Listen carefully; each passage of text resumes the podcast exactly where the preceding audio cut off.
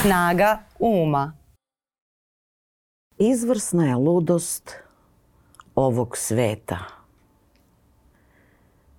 Kad se našoj sreći smuči, često usled njene prezasićenosti našim vlastitim postupcima, mi za naše nedaće krivimo sunce, mesec, zvezde. Kao da smo mi nitkovi po nekoj neminovnosti, budale po nebeskoj prinudi, nevaljalci, lopovi, izdajice zbog nadmoćnosti sfera, bludnici i pijanice zbog nametnute nam pokornosti planeta. I kao da je sve, sve zbog čega smo zli, podstaknuto nekom nadprirodnom silom. Divan izgovor za arhe bludnog čoveka da svoju pohotljivu sklonost baca na teret neke zvezde. Hvala. A dobar dan, dragi ljudi. Upravo ste čuli Anitu Mančić, koja je izgovorila možda jedan od najgenijalnijih monologa u istoriji svetske književnosti iz Šekspirovog kralja Lira. Jedno obraćanje koje će nam na neki način biti i povod za današnji razgovor, gde Luda u kralju Liru govori o licemerstvu, o tome kako za svoje postupke i za svoje okolnosti u kojima se nalazimo često krivimo drugi ili krivimo neke više sile. Ja se baš radujem ovom razgovoru i osjećam se vrlo privilegovano što je ova epizoda imala baš ovakvu najavu. Mislim da je ovo najava koju onako veoma teško nadmašiti. Anita, dobro mi došli i mnogo vam hvala, hvala na, i tebi na ovom na monologu. Kako ste? Pa, hm, ko budala. Kao luda. luda ili budala, da. Mislim da, da me ne shvate ljudi pogrešno. Kak, koja je vama prva, prva asocijacija kada, kada danas čitate Šekspira i kada danas čitate ove stihove koji imaju tu snagu da otvore momentalno veliki broj pitanja i da povuku veliki broj i ličnih asocijacija? Pa ima ih mnogo. Mislim, uh, uh, svaki dan, pošto toliko se stvari događa u toku dana. I ovaj, samim tim se otvaraju različite misli. I kad sam razmišljala o, ovom tekstu, onda je krenulo sijaset asocijacija. Ali nekako, uh, za početak sam imala potrebu ne bih ja tebi nametala moje asocijacije, ovaj, više bih volela da ih ti imaš, ali jedino što bih volela da kažem za početak da sam recimo pre jednog izvesnog vremena na televiziji sam gledala dve, kako bih rekla, osobe. Ne u istoj emisiji, ali jedna je visoka, kosata, uh, a druga je niska i ćelava. I o, zajedničko za obe osobe je to što su buckasti. I buckasti. Ovaj, jedan je govorio kao šta sad kao glumci ima da govore? Šta sad oni kao nešto uopšte govore? I progovaraju, a drugi je govorio o tome da isto kaže glumci uglavnom se služe tuđim mislima. Pa bi ja sad kao neku svoju privilegiju što mogu da govorim javno tuđim mislima ih počastila tako što ću da kažem da za budale nema goreg vremena jer uh, kod mudrih ljudi ludost cveta, pameću se čudnom oni diče, jer na majmune oni sve više liče. E pa sad, to možda se odnosi i na ta dva, te dve osobe, ali i ovaj i negde generalno ovo je Šekspir rekao, naravno ovo nisam ja rekla. A, tako da ja sam nevina. A politično praktično. Apsolutno. Apsolutno. A, ja samo izgovaram tuđe misli.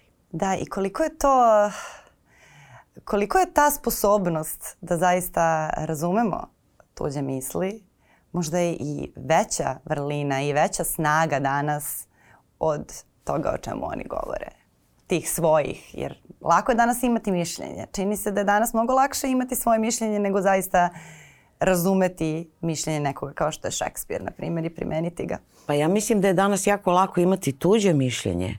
Samo ovaj odabir osoba ovaj, koje volimo da citiramo nije baš najpametniji. Znači, svako bira ono što, što, što mu je blisko. A, a, I mislim da je to sad kao privilegija mnogih što ovaj, svako lupeta šta stigne, a, ali uglavnom a, tumačeći tuđe misli koje su takođe diskutabilne. Znači, a, dva puta smo u minusu. Znači, prvo što slušamo, jer e, treba da ipak imamo neki, kako da kažem, nije sve ono što vidimo a, i što čujemo upravo tako. Mi smo prestali, što kaže Šekspir, a, kad bi mozak bio u tabanima, onda bi postojala velika opasnost da dobijemo žuljeve. Zato smo ga stavili u glavu da nam tu stoji da ničemu ne služi, otprilike.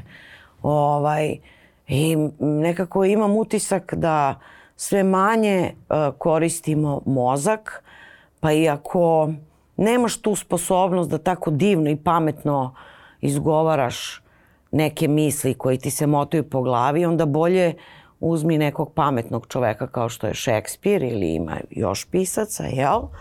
Nego ovaj, ovu neku prostotu koja je zavladala našim svetom. Da, i to, to što ste rekli da ljudi jako lako danas imaju tuđe mišljenje, tu pretpostavljam da mislite na ona mišljenja koja se nesvesno čak ljudima nameću, a koja su nekako čini se deo nekog scenarija lošeg, da li političkog, da li scenarija koji se tiče aktualnog trenda na, na polju bilo kom.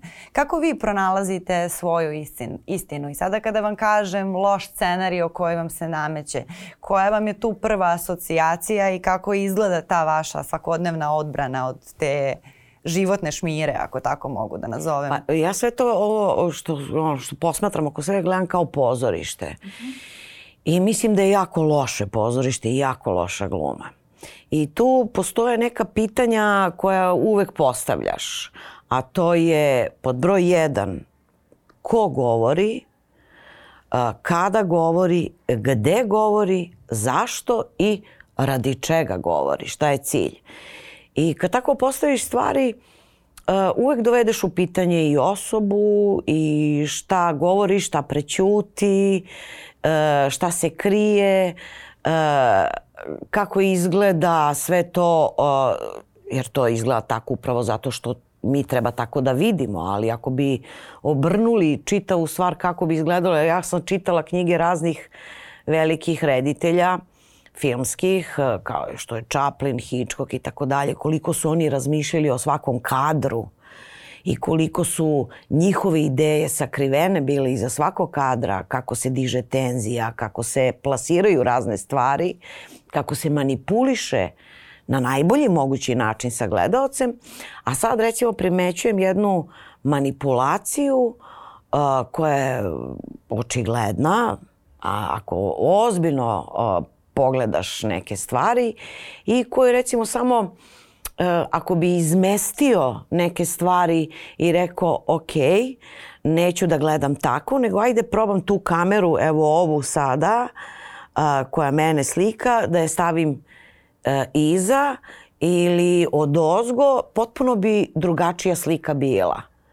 Pretpostavljam, kao što sam gledala pre neki dan, recimo, scenu u vozu.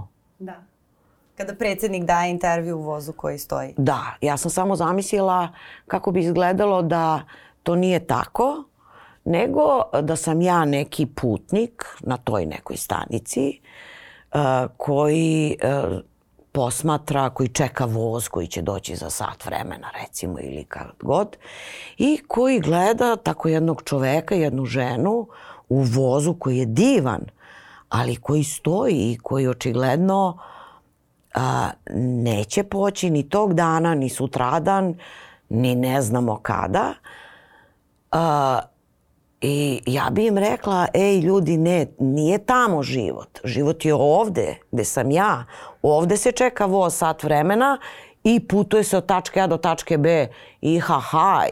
A tamo ja gledam neke ljude koji su zalutali, nekog muškarca koji govori, neku ženu koja klima glavom i eto prosto ja se tako i onda mi se razvije čita film, mislim onda ako isključiš to onda pomisliš o čemu oni razgovaraju, Da li je to ljubavni sastanak?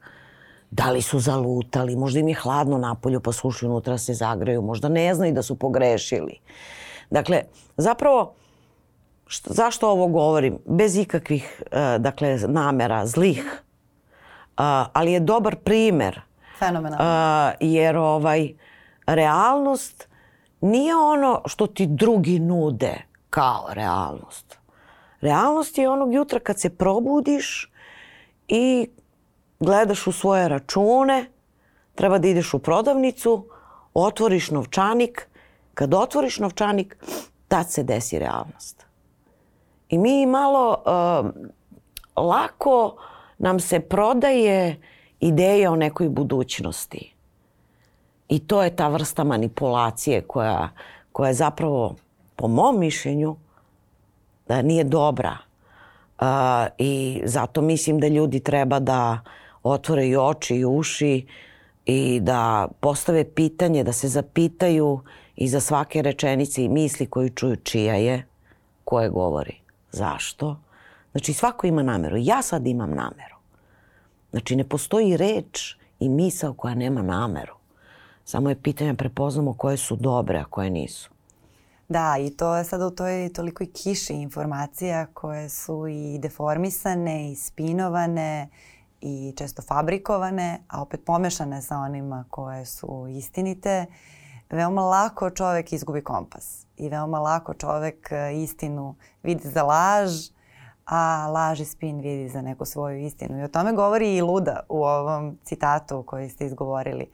O toj lakoći kojom prihvatamo da nismo odgovorni Za svoj život. Za svoj život, za svoju prirodu, za svoj karakter, za svoje postupke, za, za, za okolnosti u kojima se nalazimo, pa da li ćemo da krivimo zvezde ili uh, nešto drugo, ali uvek je to veće. Ne znam koliko smo mi skloni tome i, da li, i dokle ćemo da budemo skloni tome da nas neko ubedi da je naša lična odgovornost tako mala. Ili da smo ipak mi uradili sve što smo mogli.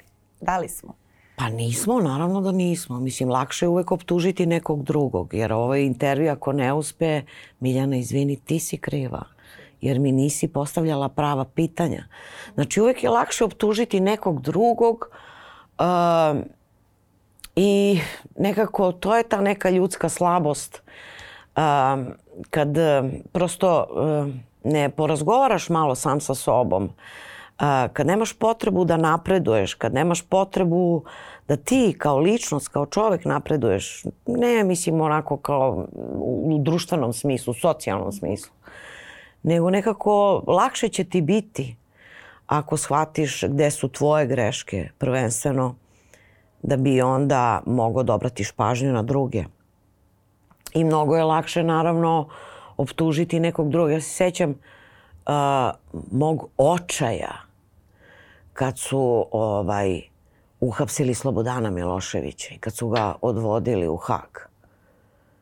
I onda sam pokušavala da uh, razumem uh, zašto sam očajna. Mislim, sve smo, svi smo kao hteli da se završi taj užas koji smo živeli e, da bismo ušli u neko novo, bolje vreme. Ali sam onda shvatila da sam izgubila svog večitog krivca za svoje neuspehe i da sam se malo uznemirila. Jer koga ja sada krivim? I tad sam shvatila, uh, hvala Bogu, na vreme, da je uh, na meni i moja lična odgovornost uh, je zapravo, moram da budem odgovorna za svoj život. Naravno da život donosi i ova situacija, ovo vreme donosi raznolikog sveta, uh, neke situacije su nemoguće i tako dalje, ali svakako, svakako i prvenstveno mi moramo budemo odgovorni. Na kraju krajeva mi jesmo odgovorni za ovaj trenutak u kome živimo. Obrni, okreni. I to mislim da, makar ja nisam čula da je neko rekao u javnosti, um, i da je neko u javnosti govorio o toj potrebi da se ima krivac. E, I onda se naravno otvara i to pitanje da li jedan deo javnosti koja je opoziciona, koja je protiv ove vlasti, zapravo uživa u činjenici da ima nekoga koga može da krivi za sve. Jer to je onda isto jedno ozbiljno pitanje koje se pokreće i da li se zaista svi dovoljno dovoljno borimo protiv toga što nam smeta jer šta ćemo ako se izborimo? To pa ja mislim da se ne borimo dovoljno. A, I e, od naše borbe će zavisiti i naša budućnost. I da li mi hoćemo da stalno imamo nekog krivca, što je jako udobno. Znate, jako je udobno ako je neko drugi kriv, što vi nešto ne možete. I vi sedite i ništa ne pokušavate. A, odgovornost je nešto što ili nikad nije postojalo kod nas ili je davno, davno ubijeno kod nas.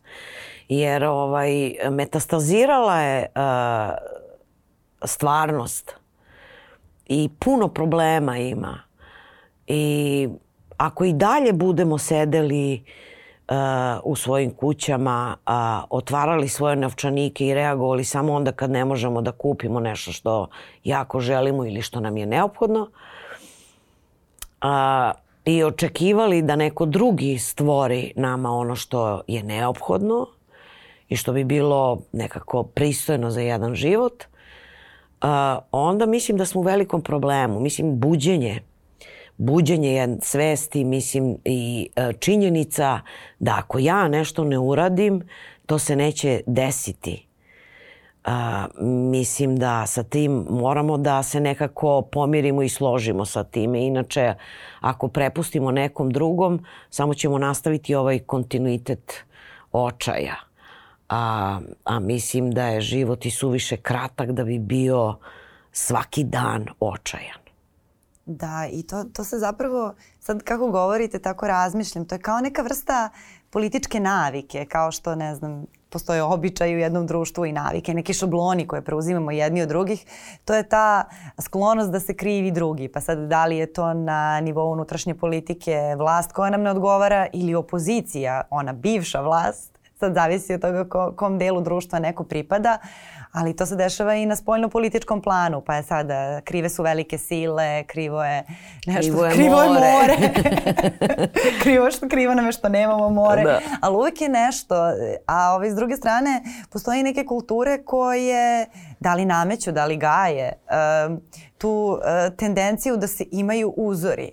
Jer ajde, ako već moramo da se pozivamo na nekoga, onda možda bolje da, da, da imamo te neke uzore koji će da nam se nameću. A ovaj, ne znam, da li, je, da, da li bi to možda bila bolja varijanta da počnemo stvarno da, da gajimo ljude koji su uzori, a ne da ih toliko napadamo. Pa mislim, prvenstveno treba da gajimo sebe. O sebe kad krenemo i krenemo da gajimo sebe, svoju misao, uopšte da dođemo do nje, da dopremo do sebe. Uh, I o, a samim tim da krenemo da gajimo neke druge vrednosti i da prepoznajemo kod drugih ljudi kvalitete, jer e, to znači da smo prepoznali kod onih drugih nešto što nije kvalitet, da se radujemo kvalitetu, e, da pozdravljamo nešto što je dobro i da to dobro što prepoznamo u drugima bude naš pokretač. Kod nas uvek nešto što vidim da je dobro kod drugog mene blokira. I to je meni uh, reper za moj neuspeh. Očigledno je tako. Ja to tako sad vidim. Ne mora da znači ja sam u pravu. Ali tuđi uspeh, umesto da se radujem njemu, to samo znači da je to ogledalo mog neuspeha. I samim tim sam protiv toga. Umesto da me tuđi uspeh ako već umem da ga prepoznam, pokrene da budem bolja, da dođem dotle, da budem bolja od toga. Znači, mi nikako da krenemo da idemo u napred. Uh, najbolje što umemo da se zustavimo sada i da slušamo o nekoj budućnosti koja, se, koja će se možda dogoditi, možda nikad neće dogoditi, da slušamo stvari koje nam nisu jasne i da kažemo aha, imam utisak da će biti dobro. I to je to. Mi smo večito u nekom uh, trajanju budućeg vremena, a zapravo živimo u, u filmu Povratak u budućnost. Koliko je vama vremena, živaca, decenija života trebalo da apsolutno budete sigurni u tu svoju istinu, jer mi živimo uh, u veku bukvalno, u kom stalno do nas dolaze te informacije da nismo u pravu, ne znam, stalno su i tu neka većina, manjina, ovaj, pa se često osjeća čovek kao luda ili budala, uh, upravo ukoliko želi da sluša taj neki svoj glas koji govori ovo što vi sada govorite. Koliko je vama trebalo vremena da zaista onako spoznate svoju mudrost i da, da znate da je to to, da je ovo drugo sve u stvari laž, da ne sumnjate? Uh, nisam ja spoznala svoju mudrost, daleko od toga. Mislim, i bilo bi, bilo bi, bilo bi greota da kažem sad ja sam neki mudrac i ja sam sve mi je jasno. Ništa meni nije jasno. Uh, uh, mislim da upravo luda, odnosno budala je nešto što meni najviše pripada.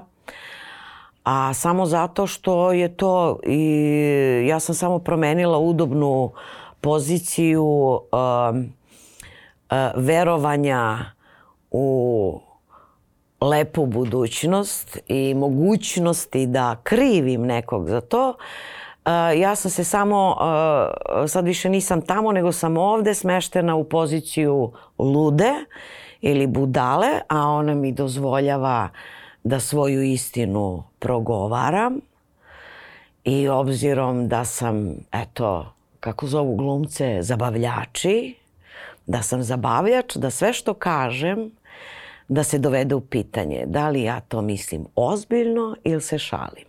Jer za neke reči su ranije letele glave ali je luda, ranije dok su bile te dvorske lude, one su ovaj uvek doživljavale punu starost, a govorile su mnogo opasnije stvari samo zato što su bile lude i niko ih nije shvatao ozbiljno. Eto, sad sam se dakle smestila u poziciju neozbiljnog čoveka koji možda ima pravo da kaže sve i da mu se oprosti, jer je luda. Mislim da niko, da, da, da to teško može da, da prođe, da se... Pa često ljudi o... ne znaju. Mislite? Pa ja se nadam. Ne znaju kad se šalim kad govorim istinu. Da, to ima logike. Pa i u Kralju Liru je Luda zapravo najmudriji lik koji otkriva tu pravu ludost kralja i to pravo, pra, pravu njegovu izgubljenost. Pa jeste, to često pisac progovara. Da, često pisac kroz svoje lude, odnosno Šekspir, progovara o vremenu u kome živi. Tako da progovoriti o vremenu u kome živiš ne mora da bude ni uvredljivo, možda bude duhovito, važno je da dopre. Znači šta je cilj? Cilj je da dopreš do nekoga, da nekog osvestiš, ne da nametneš svoje mišljenje, da ga osvestiš. Pa to može i na duhovit način.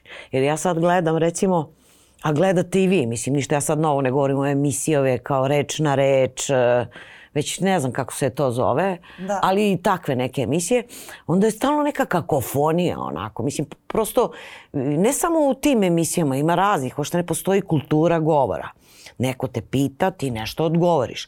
A ako se ne sviđa način na koji ja odgovaram, nemoj me prekidati. Čekaj, ja stavim tačku, jer možda je poenta na kraju, a ne na početku.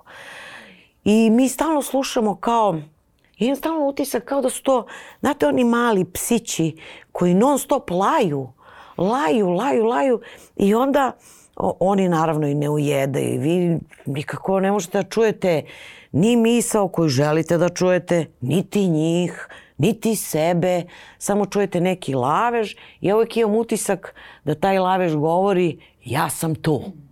Gledajte, pošto me ne vidite, ja sam veliki. I nemojte slučajno da mi priđete, jer ako mi priđete vidjet ćete koliko sam mali. Eto, meni to tako izgleda. Izgleda tako. Vrlo često. Mene čak, e, nasmijala sam se kad ste rekli, kad ste poredili to poređenje sa, uh, sa malim psima, zato što sam se meni jednom prosto javila ta asocijacija, čak ne ni kučića, nego onih igračaka što laju, laju, laju pa naprave kolutu nazad. Da, da. prosto i onda sam se nasmejala jer mi je to, to zaista bila asocijacija. Ali to je strašno važna poruka jer čak I na stranu to čak i da nema tog upadanja koje je neprijatno i koje pravi buku i koje nije samo karakteristično za, za te dijaloške emisije, nego sve informacije yes. koje danas dolaze do nas su prekidane reklamama, nekakvim notifikacijama, nikako da čujemo nešto zaista.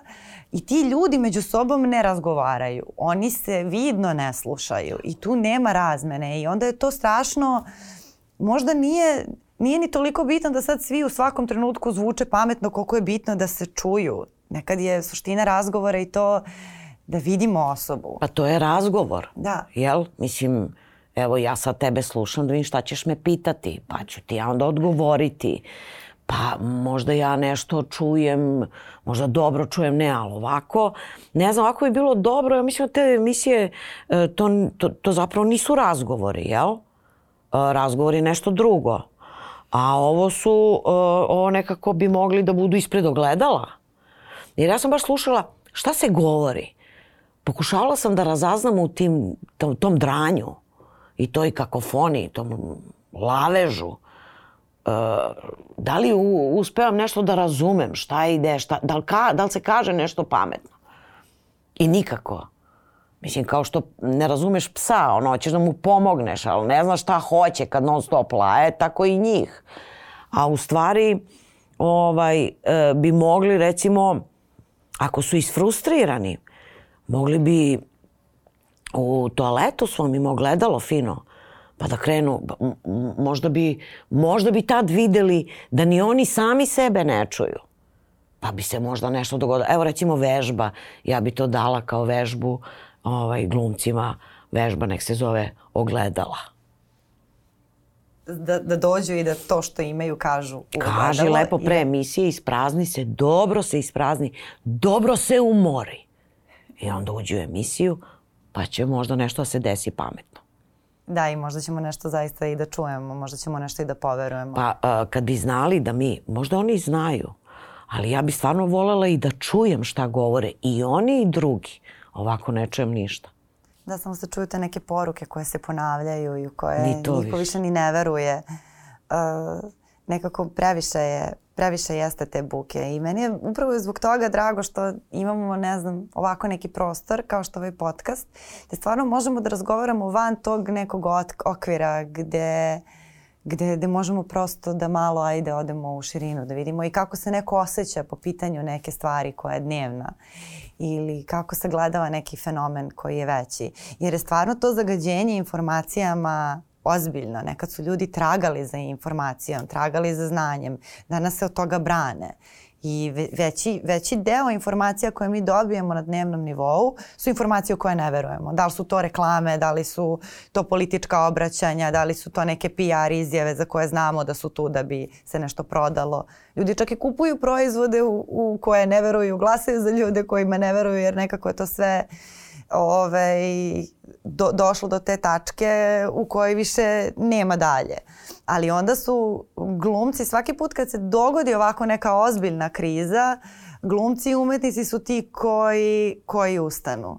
I nekako se čini da, da veliki umetnici onda kada ni u jednoj državi nikad nije savršeno dobro i ne cvetaju cveće, ne cveta cveće, ali dok je i ole dobro, uh, nekako glumci se uglavnom bave tom svojom glumom, bave se umetnošću, komentarišu i tako dalje, ali kada se glumci ozbiljno mobilišu i umetnici, to onda uglavnom znak da, da, da nam stvarno treba neko ko će ovaj, da razdvoji svu tu buku od onoga, od onoga što jest. Tako je makar kod nas, mada i ne samo kod nas, i u nekim drugim zemljama. Pa znate šta, često nas zbog toga um, onako umeju da komentarišu uh, baš je onako komentari koji su upućeni glumcima su jako zlobni. Moram priznati. E, nekako bedni. A, jer znate šta, a, mi imamo svoj posao. Mi zarađujemo kako ko, ali eto radimo svoj posao i neki ljudi nas vole ili ne vole, veruju nam ili nam ne veruju upravo zbog toga što nas posmatraju kroz naš posao. I sad, ako se desi da progovorimo mimo pozorišta, filma, televizije, evo sad, to je zabranjen teren. I šta to znači? Da mi ne treba da imamo svoje misli. Ali mi jesmo građani ove zemlje. I e, meni ne treba nikakva organizacija da ja osetim i da imam potrebu da nešto kažem o trenutku u kome živim. I verujte mi, a redko koji glumac, a redko koji glumac a, ima neku zadnju misao. Jer mi živimo od našeg posla, a ovo je samo isključivo naša potreba da kažemo, prepoznamo neki trenutak, da nekog podržimo, da nekog kritikujemo, zato što je dogorelo do nokata, zaista. Ali koliko je i ta priča da glumci treba da se drže glume, uh, jedan u stvari strašno ružan spin, jer mi kada pogledamo neka mnogo razvijenija društva, sve velike glumačke zvezde imaju neko svoje polje aktivizma. Pa da li je to zaštita životne sredine, borba za rasnu ili rodnu ravnopravnost. Uh, vrlo je malo glumaca koji ne, ne delaju i na tom polju i koji nemaju razvijeno, razvijena delovanja na polju društvene odgovornosti, nešto svoje. I niko njih neće da optuži uh, za političarenje ili uh, za to da su oni sada tu za neku partiju i tako dalje. Jer tačno postoji ta razlika između onoga šta je aktivizam i šta je nečija odgovornost da koristi svoje ime za širenje nekih vrednosti u koje veruje, a šta je zapravo zalaganje za neku partiju i šta je politički aktivizam, a šta je društveni aktivizam. Znate šta, um, mm, ja baš nešto nisam ni progovarala prethodnih godina I vrlo vodim računa o tome kad ću govoriti i kako. Uh, tako da mene uopšte uh, niti me zanima to šta bi trebalo glumac da bude, uh, niti kad treba da govori da li treba, da li sam ja aktivista ili nisam aktivista i tako dalje i tako dalje. Mene to uopšte ne dodiruje. Sve dotle Dokle je moja namera sledeća, a to je da kad ja kao čovek prepoznam nešto što nije dobro, što nije u redu, nešto što ugrožava mene ili nekog drugog i reagujem na to, uh, dotle me nije briga. Zaista uh, mogu da me zovu ovako, onako, uh, da li je to u domenu politike, ni za to me nije briga. Da li je u domenu aktivizma, ni za to me nije briga. Ja sad progovaram kao Anita Mančić, kao čovek koji sagledava neke stvari, a, koji prosto sa mnogim stvarima ne može da se pomiri, koji je sklon da podrži ljude kojima treba podrška i nastupam kao čovek. Koliki sam čovek? O tome možemo da komentarišemo. Ali Da li ja treba da govorim ili ne treba da govorim? A da vam kažem nešto, toliko slušam osoba kojima bi bilo bolje ne da ne govore, ne da isključe ton, nego da ugase i sliku.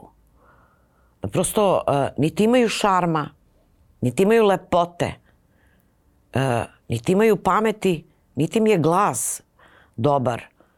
Nema, ne postoji ništa, a mi gledamo imaju pravo, a niti je njihov posao da govore, jer da je njihov posao možda bi bolje govorili, lepše.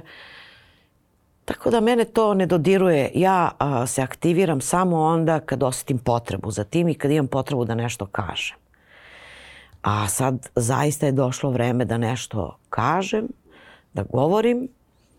A, šta će drugi misliti o meni?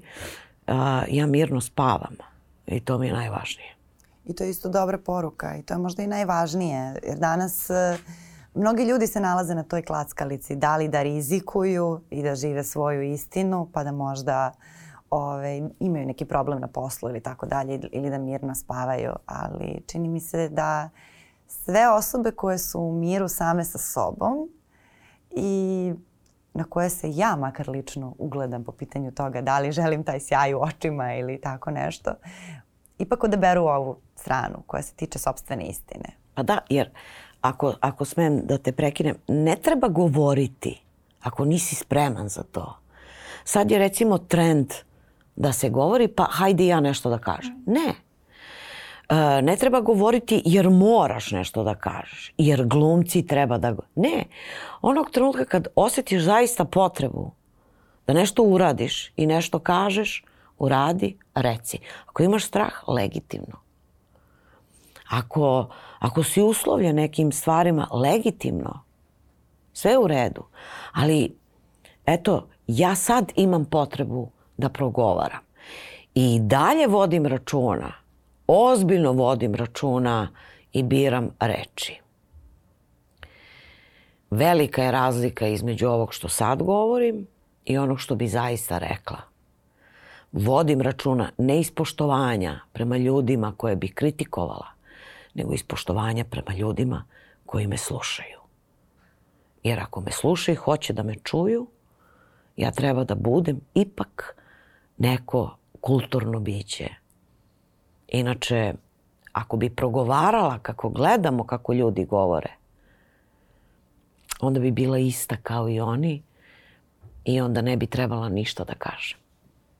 I to je, to je nešto što je baš em velika istina, em često se zamera ljudima koji su pristojni u javnosti i koji koriste učen jezik, uh, da treba više da govore takozvanim narod, narodskim jezikom, što zapravo nije tačno.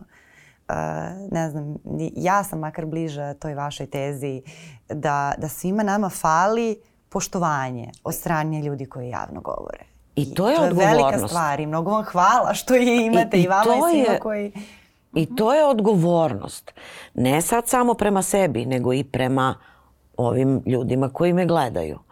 A, a što bi Šekspir rekao da je ovo vreme iskočilo iz globa a, i da ćemo mi ovakvi ljudi i za njih bi rekao ja mrem, a oni žive. Ostalo je ćutanje. Znači, što je meni onako, prosto te, dve, te rečenice koje se sad izgovorila, koje se nalaze u Hamletu, nešto su mi se stalno stalno imam, ono, kad idem u prodavnicu, bilo gde, stalno dobijem šlagvort i pomislim ja mrem, on živi. Ostalo je ćutanje jer ja, ja glasa nemam, niti mogu da tu igru igram.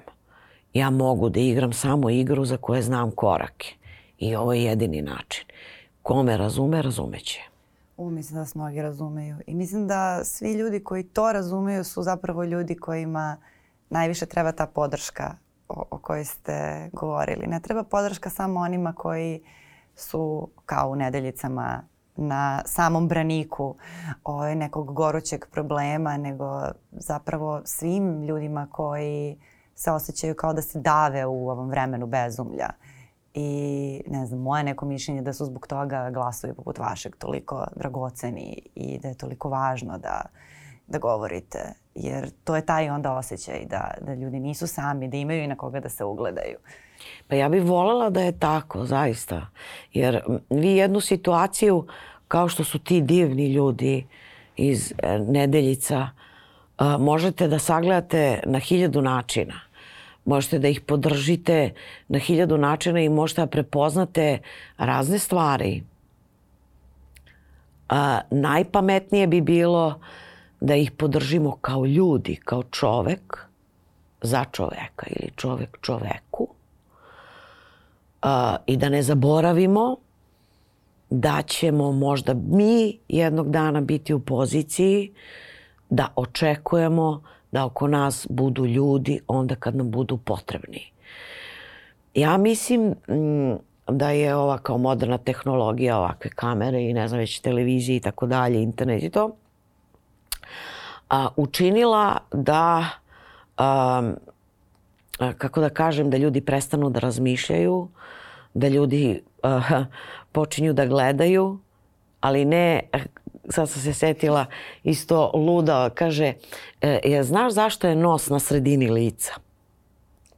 Pa da čovek ono što ne bi mogao da onjuši, mogao bar da vidi.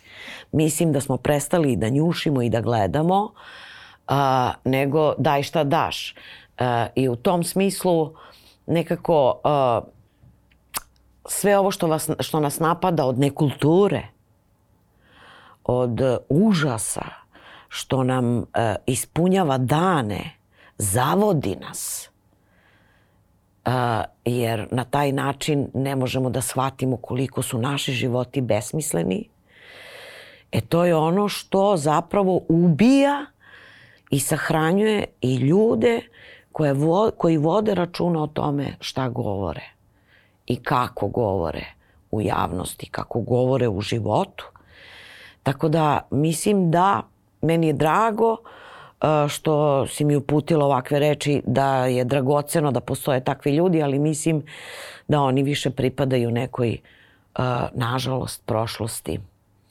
Ako bi mogli da se izborimo za misao i za reč, to bi bilo divno. Pa ja mislim da se borimo. Ja mislim da. da, da ste svi sada veoma, veoma glasno rekli mnoge jako dragocene stvari. Mene ste toliko ostavili bez teksta. Najsrećnije bi bilo da je ovaj razgovor mogao da vodi neko drugi, a da samo sedim ako i slušam i zapisujem sve što ste rekli. Mislim da bih u toj situaciji bila još hvala opuštenija. Zaista, zaista ste me mnogo puta ostavili bez teksta. I hvala mnogo vam hvala uh, na ovom razgovoru i hvala vam na ovim mislima i hvala vam na tome što ste uzor uh, mnogima od nas i meni. Baš uh, tim ovaj, jednim nivom koji ovaj, ne dozvoljavate da, da, opadne bez obzira na sve što nas okružuje i baš tim poštovanjem koju kažete ljudima koji koji su navikli na neko, nekakva drugačija obraćanja i možda treba svi da se podsjetimo kako zapravo treba da zvuče ljudi koji govore u javnosti i kojima dajemo reč. Hvala tebi puno a, i hvala ti na tome što sam uzor i bez obzira što sam uzor i zadovoljstvo mi ako mogu da budem, hvala ti puno, ali a, a, ne zaboravi, a i to Šekspir kaže, sve što drugi kažu, traži grešku. Čuli ste Anitu Mančić, e, treba slušati sebe, treba nekad možda isključiti svu tu buku, posebno isključiti one ljude koji nam se obraćaju, a ne poštuju nas. Ja ove epizode uglavnom uh, završavam tako što vam se zahvalim, kažem vam da ste gledali ili slušali podcast Naga Uma i da smo tu i sledećeg ponedeljka na Nova RS, ali ovog ponedeljka imat ćemo drugačiju odjevu, daću kao što sam već rekla, Aniti da nam se obrati stihovima iz 66. soneta Šekspirovog koji takođe govori mnogo i o našim istinama i o tom poštovanju i o svemu što živimo i danas. Anita, izvolite. Ja se izvinjam što nisam sigurna u, u, u svoje, svoje kazivanje, pa ću, bolje ću ako pročitam. Umornom od svega, u smrt mi se žuri, jer videh zaslužnog kako bedno prosi. I nitkova što bogato se kinđuri. I odanost kako poniženja snosi. I zlatna odličja o pogrešnom vratu. I savršenstvo u blatnom beščašću i device silom predate razvratu i snagu straćenu nesposobnom vlašću i umetnost koje moćnik uzde stavlja i zločince kako vladaju dobrotom i mračnjaštvo kako mudrošću upravlja i kako iskrenost brkaju s prostotom. Skrhan, spokojnoj smrti ću se dati, od njeme tek ljubav može sačuvati. You.